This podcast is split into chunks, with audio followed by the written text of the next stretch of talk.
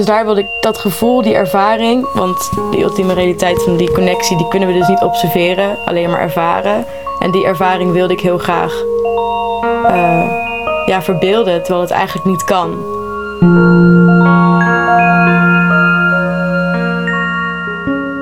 Lieve luisteraars, je luistert naar de Rhizoom Podcast, aflevering 6. Rhizoom is een open en experimenteel platform voor betrokken kunstenaars in Nederland. We interviewen elke week de kunstenaar die op dat moment een Rhizoom takeover doet. Deze week is dat Amber Aarts. Amber is fotograaf en kunstenaar. Recent was haar werk te zien bij Unseen in Amsterdam. We gaan met haar in gesprek over haar afstudeerwerk Will I Dissolve in the Sea en verder praten we met haar over Pussy Power. Dit is een werk wat ze maakte in opdracht.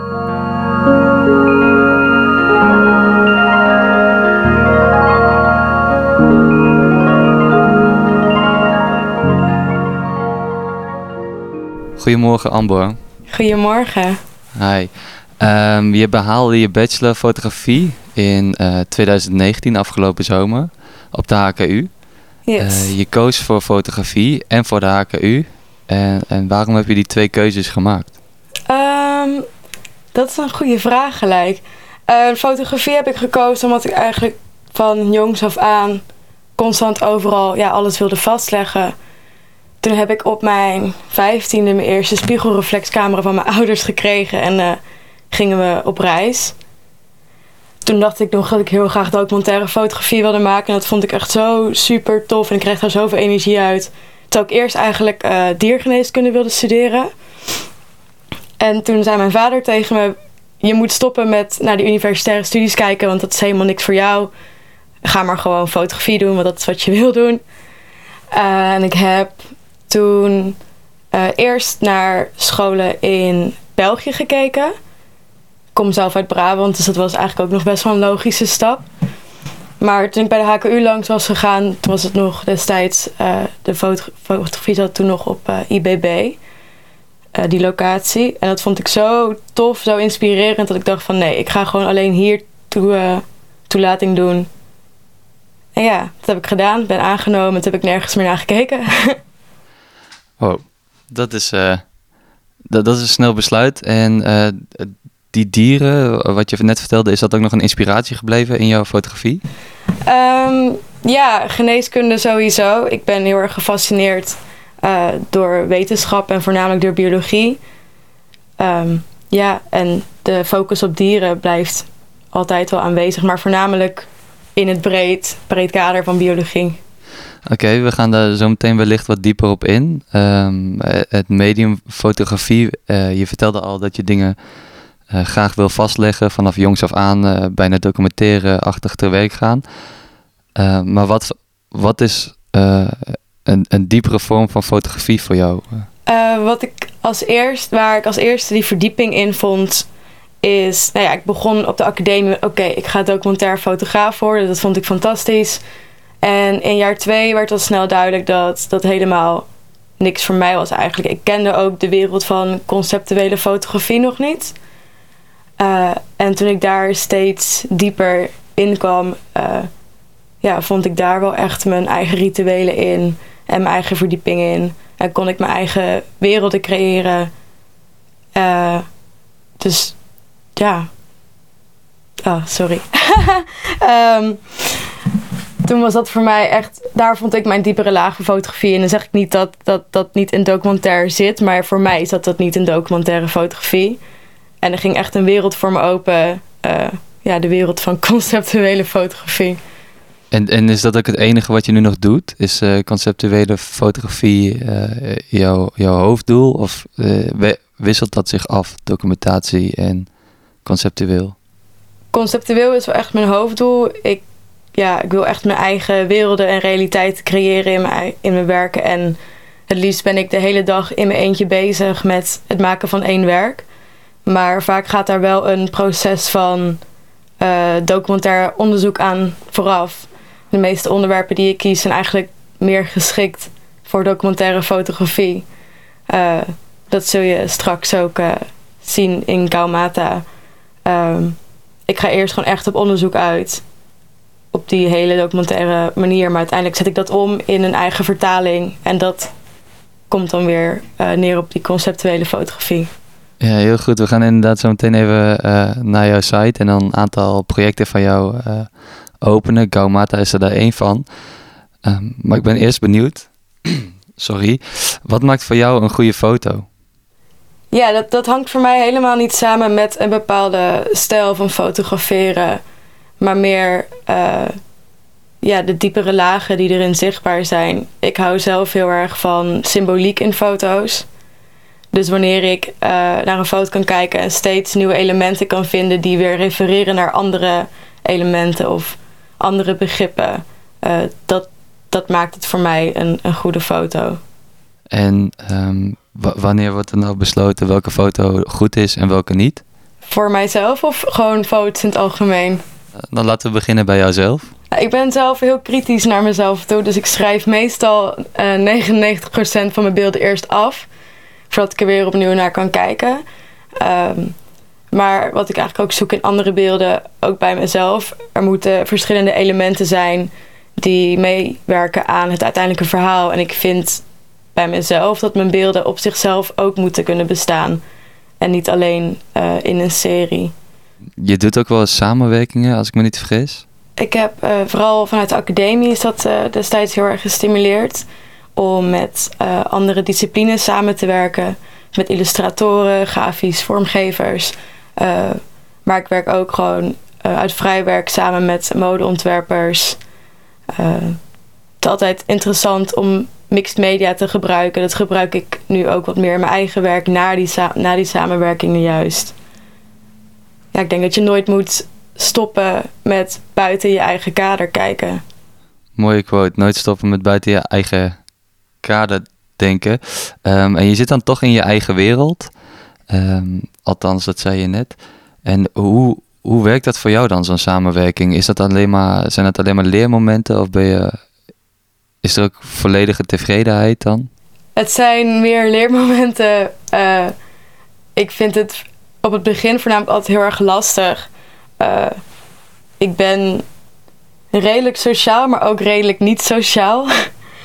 um, dus ik vind het altijd moeilijk om constant met een persoon te zijn of meerdere personen te zijn en uh, van mijn eigen visie af te wijken. Maar ik vind het wel belangrijk om dat te blijven doen om juist niet in je eigen visies ja, vast te blijven zitten. Dat is altijd een beetje, vooral met, als je in je eentje met conceptueel werk bezig bent, toch het risico dat je zo in je eigen bubbel leeft dat je niet meer verder kijkt dan dat.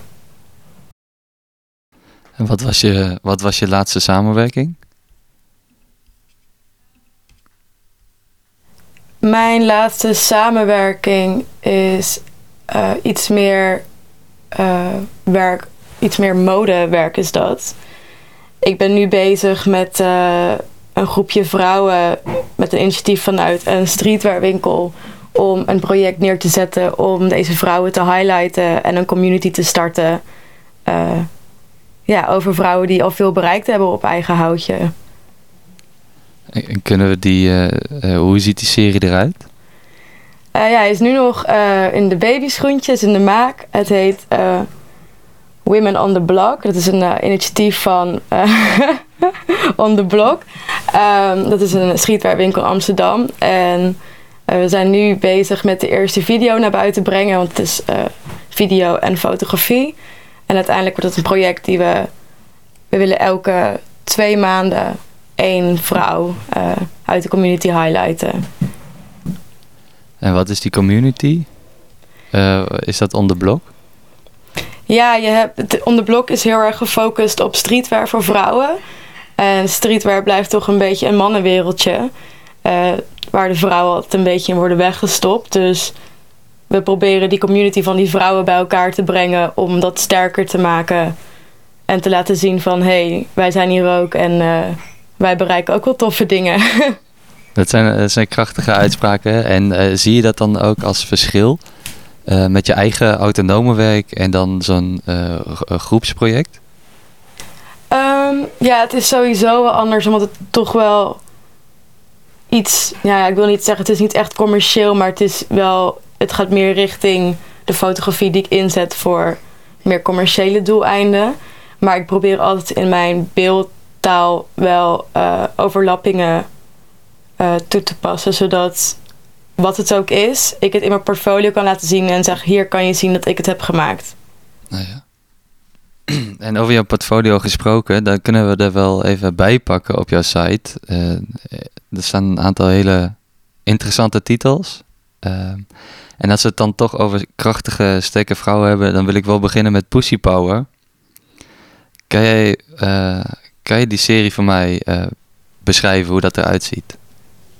Hoe het er beeldend uitziet? Exact, ja. Um, nou, een, een goede vriendin van mij, die is modeontwerpster en die heeft een fantastische kledinglijn neergezet uh, met zeefdrukken uh, van vagina's erop. Dat bestaat uit t-shirtjes, truien, maar ook uh, onderbroekjes. wit met prachtige ja, roze gelaagde zeefdrukken. Um, en wij zijn de straten van Rotterdam opgegaan om te fotograferen. Dus ik heb een prachtig model um, die een shirt en een onderbroek draagt van die collectie.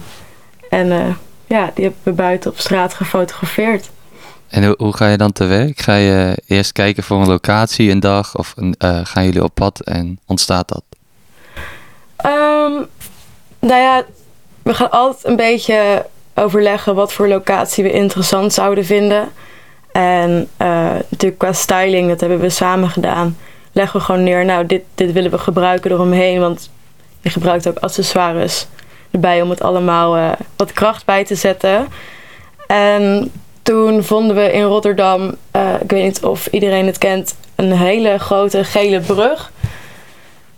En die stond gewoon zo mooi bij de kleuren van de outfit die we hadden en er kwamen heel veel mensen overheen lopen. En dat vonden we ook eigenlijk wel heel erg tof om te zien hoe mensen reageren hierop. Dus daar zijn we gewoon uh, begonnen. En we, denken, we dachten, uh, we dachten, we kijken wel, we beginnen hier. En als het tof is, gaan we verder. En ik ben meestal iemand, als ik ga schieten, ik begin met het begin. Maar laat me vooral leiden door het gevoel dat erbij ontstaat. En dan zien we wel waar we heen gaan. En dan wil ik wel doorgaan naar uh, een, volgende, een volgend project genaamd Parallel Realities. Ja, uh, Parallel Realities uh, is een serie waarvoor ik mensen met een oogafwijking heb gefotografeerd. Um, en ik heb die mensen geportretteerd op de manier waarop zij zien. En natuurlijk kan ik niet 100% zeker weten wat zij zien en kunnen ze het alleen maar uitleggen. Maar ik ben eerst met deze mensen uh, in gesprek gegaan. Uh, hebben ze het me zo visueel mogelijk uitgelegd. En heb ik in het fotograferen tijdens het proces uh, trucjes, materialen toegepast. Waardoor die oogafwijking eigenlijk zichtbaar zou moeten worden. En wat ik vooral wilde laten zien is dat wat jij of wat jij en ik als de absolute realiteit, als de waarheid zien, hoeft dat niet te zijn, want dat is voor iedereen verschillend. En dit is een heel goed voorbeeld van hoe extreem anders iemand zijn realiteit kan zijn van wat wij als normaal zien. Ja, dat was eigenlijk de eerste stap die ik maakte op weg naar conceptueel werk. En dit is wederom weer echt een heel erg documentair onderwerp. Oké, je gaat uh, naar mensen toe met een ogenwijking en eigenlijk wil je daar een documentatie van maken. Maar um, ja, het, het komt ook weer vanuit mijn fascinatie voor de biologie, voor lichamelijke afwijkingen. En tegelijkertijd is uh, ja, ja, die perceptie van wat is de realiteit nou altijd een, een rode draad in mijn werk geweest. En het was, ik wilde een soort van laten zien dat er is geen absolute waarheid. Er is geen dit is normaal, dit is wat het is. Uh, er zijn eigenlijk zoveel parallele realiteiten, om het maar even letterlijk zo te noemen, uh, ja, zo dichtbij ons. Dus dat wilde ik gewoon heel graag naar voren brengen. Uiteindelijk hebben vaak familieleden of vrienden ook het portret gezien en uh, ja, ingestemd met, of in ieder geval hun mening gegeven over hoe accuraat het, uh, het zou moeten zijn, of wat, zij, of wat zij denken hoe accuraat het is. En ik heb eigenlijk alleen maar hele positieve reacties gekregen van de geportretteerde en ja, de familie daarvan. Dus dat was wel heel erg mooi. En ze vonden het ook, ze waren heel erg dankbaar dat iemand ehm, even hun, ja, hoe zeg je dat? Ehm, zichtbaar wilde maken hoe zij de wereld ervaren. Ik wil eigenlijk doorgaan naar uh, jouw afstudeerproject. Will I Dissolve in the Sea? Het zijn niet alleen foto's die we daar zien, maar het is ook een hele mooie installatie.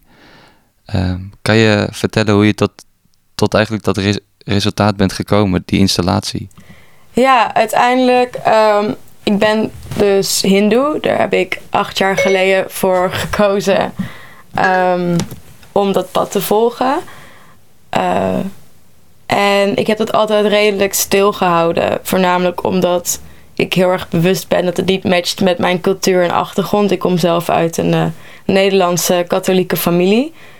Um, en in mijn werk voornamelijk, het is toch een van de grootste nou ja, fascinaties, kan ik het niet noemen, maar wel dominante factoren in mijn leven. Uh, wat eigenlijk heel logisch zou zijn, waar dat ik een werk over zou maken. Um, dat heb ik nooit gedaan. En nu voor mijn afstudeerwerk dacht ik, nou kom op, nu is het de tijd om uh, werk te maken wat je echt wil maken. Dus nu ga je het gewoon doen. En ik probeer er zo lang mogelijk om uh, mezelf niet uh, als onderwerp te gebruiken, maar gewoon een aspect binnen het Hindoeïsme te gebruiken en daarover een serie te maken. maar al die pogingen faalden echt gigantisch. En toen zei ik ben zelfs naar India gegaan ervoor. En toen kwam ik thuis en mijn docenten zeiden: Ja, je hebt echt, je hebt echt niks. Dus je moet nu of uh, het over jezelf gaan doen, of je moet een heel ander onderwerp gaan kiezen. Dus toen kon ik niet anders. En uh, ben ik het echt over mijn eigen visie, mijn eigen pad. Uh, ja, daar ben ik over gaan praten, om het zo maar te zeggen. Um, en deze serie gaat voornamelijk over een bepaalde filosofie binnen het Hindoeïsme. Dat uh, Hindoes geloven in een ultieme realiteit. En dat is een laag die dieper gaat dan de realiteit die wij observeren. Want in de realiteit uh, die wij observeren zien we verdeeldheid. We zien allemaal aparte mensen, aparte objecten. Terwijl die ultieme realiteit juist uh, focust op een eenheid van het universum. Dat we allemaal in connectie staan met elkaar. Dat we allemaal maar slechts deeltjes zijn die op elkaar reageren. En ja, eigenlijk zoals de Big Bang Theory gewoon uit hetzelfde, ja, dezelfde matter zijn ontstaan. Um, dus daar wilde ik dat gevoel, die ervaring, want die ultieme realiteit van die connectie, die kunnen we dus niet observeren, alleen maar ervaren. En die ervaring wilde ik heel graag uh, ja, verbeelden, terwijl het eigenlijk niet kan. Maar dat was mijn uitgangspunt van dit project. Ja, ik heb echt uh, veel momenten gehad. Ik dacht van ik ga niet kunnen slagen. Um, en ik praat gewoon liever niet over mezelf. Tenminste, nou ja, zou ik het zo zeggen. Uh, voordat ik dit project heb gemaakt, heb ik nooit mezelf als focuspunt genomen in mijn werk. En eigenlijk vanaf nu alleen maar. Dus dat is heel gek. Um, dat was daarvoor gewoon heel erg wetenschappelijk en feitelijk. En nu wordt mijn werk steeds meer een, een gevoelsdingetje. Uh, maar dat, die stap vond ik gewoon heel erg eng om te maken. Maar als je hem eenmaal hebt gemaakt, ja, dan, dan is het leven opeens veel makkelijker. En ik wil je wel even inbreken in jouw verhaal met uh, de vraag hoe je dan te werk bent gegaan in die foto's. Ik neem als voorbeeld misschien even, het zijn druiven, neem ja. ik aan. Ja, klopt. Ik heb een, uh, een beeld gemaakt waar op het lijkt dat er druiven in de lucht vliegen, zweven.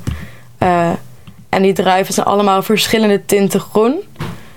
Um, ik merkte dat wanneer ik alleen maar foto's, 2D-foto's wilde maken van, van die ultieme realiteit, dat allemaal maar faalt. Want een, een platte foto uh, ja, focust alleen nog maar op die, die observatie. Dan is je lens ook alleen maar een extensie van je eigen blik. Dus wilde ik meerdere media uh, toepassen in mijn werk. En hier heb ik die druiven allemaal één voor één geschilderd in verschillende tinten groen. Ehm, ja, ik weet niet of ik uh, echt wil gaan vrijgeven hoe, hoe ik het heb gedaan dat ze zo zweven in de lucht. Al kan je het, als je het werk groot ziet hangen, goed zien. Want ik wil altijd sporen van de, van de handeling uh, in het beeld laten. Zodat je wel kan ontdekken wat er is gebeurd. Want het gaat voornamelijk echt over die handeling die meditatief wordt door die herhaling en, en ja, die eenvoud van die handeling. Um, en al mijn werken lijken van ver weg wat abstract. Want dat gebruik ik altijd graag als tool om die, uh, ja, die perceptie van de realiteit een beetje te. dat je dat je, je eigen realiteit gaat bevragen. Um, maar als je dichterbij komt en langer gaat kijken, ontdek je steeds meer wat er nou precies is gebeurd. En wordt het weer heel erg menselijk. Ja, het zijn allemaal heel herkenbare beelden.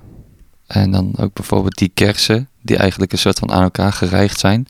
Is dat ook weer een combinatie van fotografie en schilderen? Nee, ik heb uh, dat beeld. Ik had eerst die kersen gefotografeerd. Toen heb ik daar een uh, grote print van laten maken.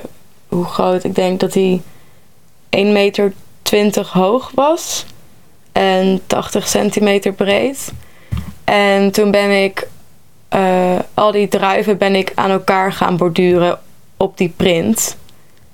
Um, en die handeling van dat borduren heeft dan die meditatieve werking. En uiteindelijk heb ik voor dit beeld, denk ik, negen uur achter elkaar geborduurd op één dag.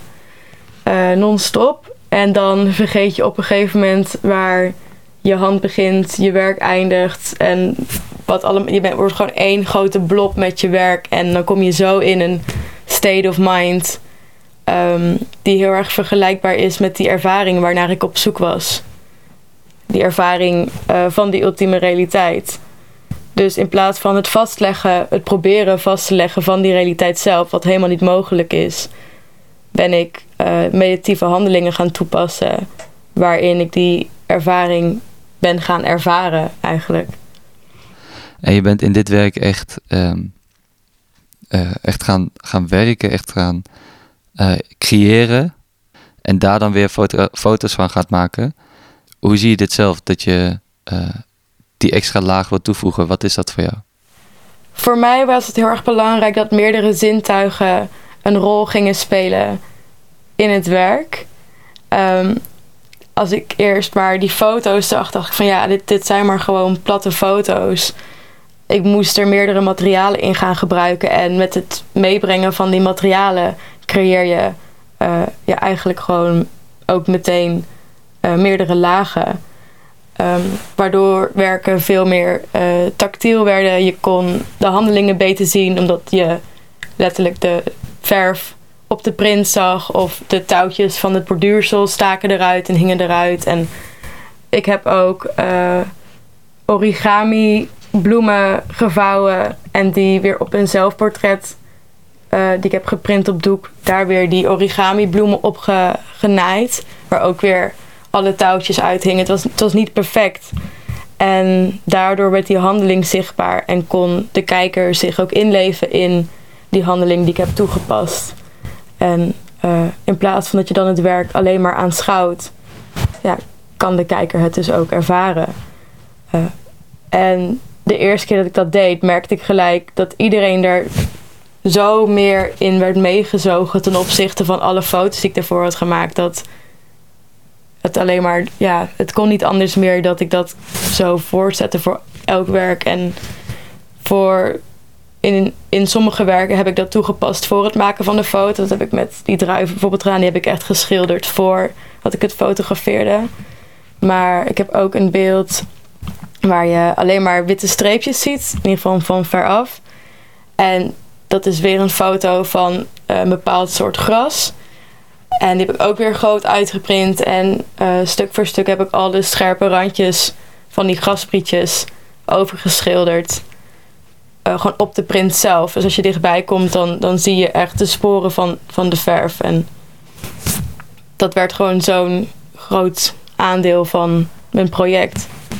Ja, het is echt een heel uh, mooi en begrijpelijk verhaal. En er zit echt een heel groot verschil tussen dan eh, die serie waar we het in het begin over hadden. Waar we het zo meteen ook heel even over gaan hebben. Gau, Gaumata. Uh, dat is dus, dat zijn beelden die je voorafgaande aan Will I Dissolve in the Sea maakte, toch? Ja, ik, ik heb dat gemaakt tijdens mijn bezoek in India. Met mijn bezoek aan India. Um, ik ben naar India gegaan voor uh, het onderzoekgedeelte van dit project. Omdat ik dus eerst nog het niet over mezelf wilde doen, maar over de Indiase koe. Uh, dus ik ben inderdaad gewoon naar een, een stadje, een klein dorpje gegaan in India. Daar heb ik een paar weken gezeten.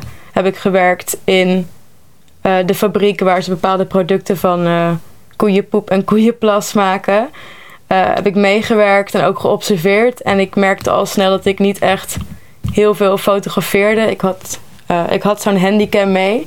En ik ben eigenlijk alleen maar uh, handen gaan filmen van de vrouwen die daar aan het werk waren. Was, het werd zo'n ritueel. In de ochtend waren we met z'n allen wierook aan het rollen. Terwijl de vrouwen Hare Krishna nummer, nummers, Hare Krishna liederen aan het zingen waren.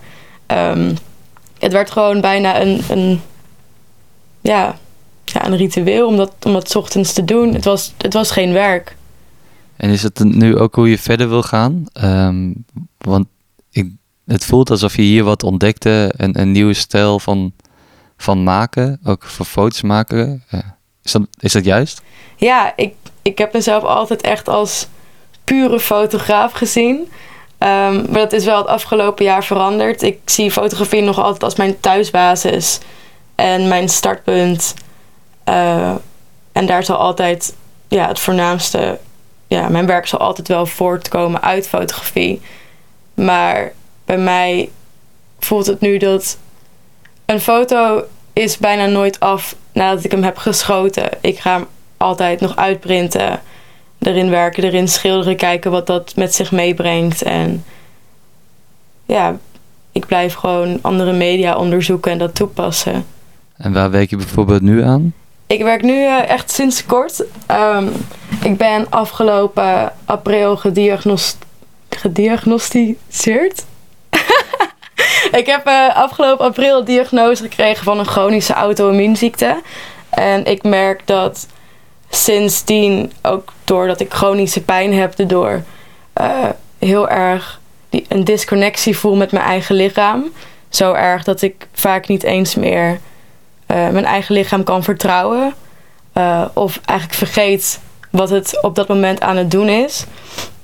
Um, dus eigenlijk weer een heel persoonlijk project. En dat wil ik in beeld brengen. En ik merk ook, nu ik daar beeld voor maak, dat natuurlijk blijf ik foto's schieten en soms is een beeld wel in één keer af. Maar uh, ik heb heel erg de neiging om ja, constant te blijven schilderen of te borduren of erin te spelen. Ja, waarom zou je niet gewoon een soort van aantekening kunnen maken in je eigen werk? En uh, wat zijn jouw plannen voor de toekomst? Hoe zie jij uh, jezelf over tien jaar of hoe zie je jezelf evolueren? Ja, ik merk dat ik constant nog echt die maakdrang heb. Dus ik hoop dat ik uh, de mogelijkheden krijg. Je moet natuurlijk ook zelf je mogelijkheden maken om uh, dat te kunnen blijven doen. En daarnaast vind ik de balans van in opdracht werken en mijn vrije werk maken heel interessant. Omdat het in opdracht werken mezelf echt weer uitdaagt om uh, ja, nieuwe stappen te ontdekken in mijn eigen werk. Dus ik hoop dat over tien jaar ik met die combinatie mezelf kan onderhouden en gewoon de vrijheid heb om mijn onderzoek te blijven doen um, en te experimenteren. Want dat blijft het ook gewoon continu. Ik kan nu denken van, oh, dit is echt de beeldtaal die het is voor mij. Maar uh, ik, ja, ik stel me ook zeker open om over twee jaar te zeggen, oh, nu ga ik toch, uh, ja, stel documentair werk maken. Ja, ik denk dat ik mezelf vooral niet ga vastpinnen op wat ik nu doe zolang het als een logische stap voelt in mijn werk, dan is het maar goed. En dan zien we wel waar we komen. En ik hoop dat, gewoon kan, dat ik dat kan voortzetten. Um, um, ook een heel mooi iets om mee af te sluiten, lijkt mij. Um, de tijd zit er voor vandaag ook op. En ik wil ook iedereen heel graag uh, attenderen op jouw site. amberaarts.com om even die projecten waar we net over gepraat hebben, even te bekijken. En uh, superleuk. Heb je nog een, een, een show die je gaat doen? Of ga je je werk nog ergens tentoonstellen? Um, ja, ik ben dus geselecteerd voor uh, GUP Nieuw Photography Talent. dat is echt heel erg leuk. Dus uh, 6, 7, 8 december is daar een expositie voor in Wester, bij de Westergas terrein. en ja, gewoon wat kleine dingetjes nu. Ik heb natuurlijk echt een, een super zomer met een scene afgesloten. Dus ik zit daar nog helemaal van na te trillen eigenlijk. um, Vet. Ja, heel tof dat dat dan uh, zo onder de aandacht kan. En 6, 7, 8 november, zei je? Uh, december. December. Ja, en dan komt het boek ook uit. Uh, 100 fotografen die de afgelopen vijf jaar zijn afgestudeerd zijn ervoor geselecteerd. En daar komen ze, maakten ze dus een boek voor. En een expositie waarvan iedere maker één werk te zien is.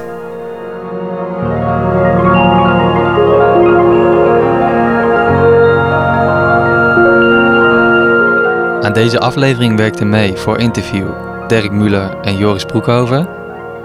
Edit Joris Broekhoven. Sounddesign Tim Visser. De intro en outro muziek kwam van R. Benny. Joris wil graag nog even een oproepje doen. Ja, dat klopt Dirk. Als je het leuk zou vinden om aan de podcast mee te werken. We zoeken nog mensen die goed zijn in het editen. Wil je onderdeel zijn van een leuk team? Dan uh, stuur even een mailtje naar Joris rhizoom.art of een DM via Instagram.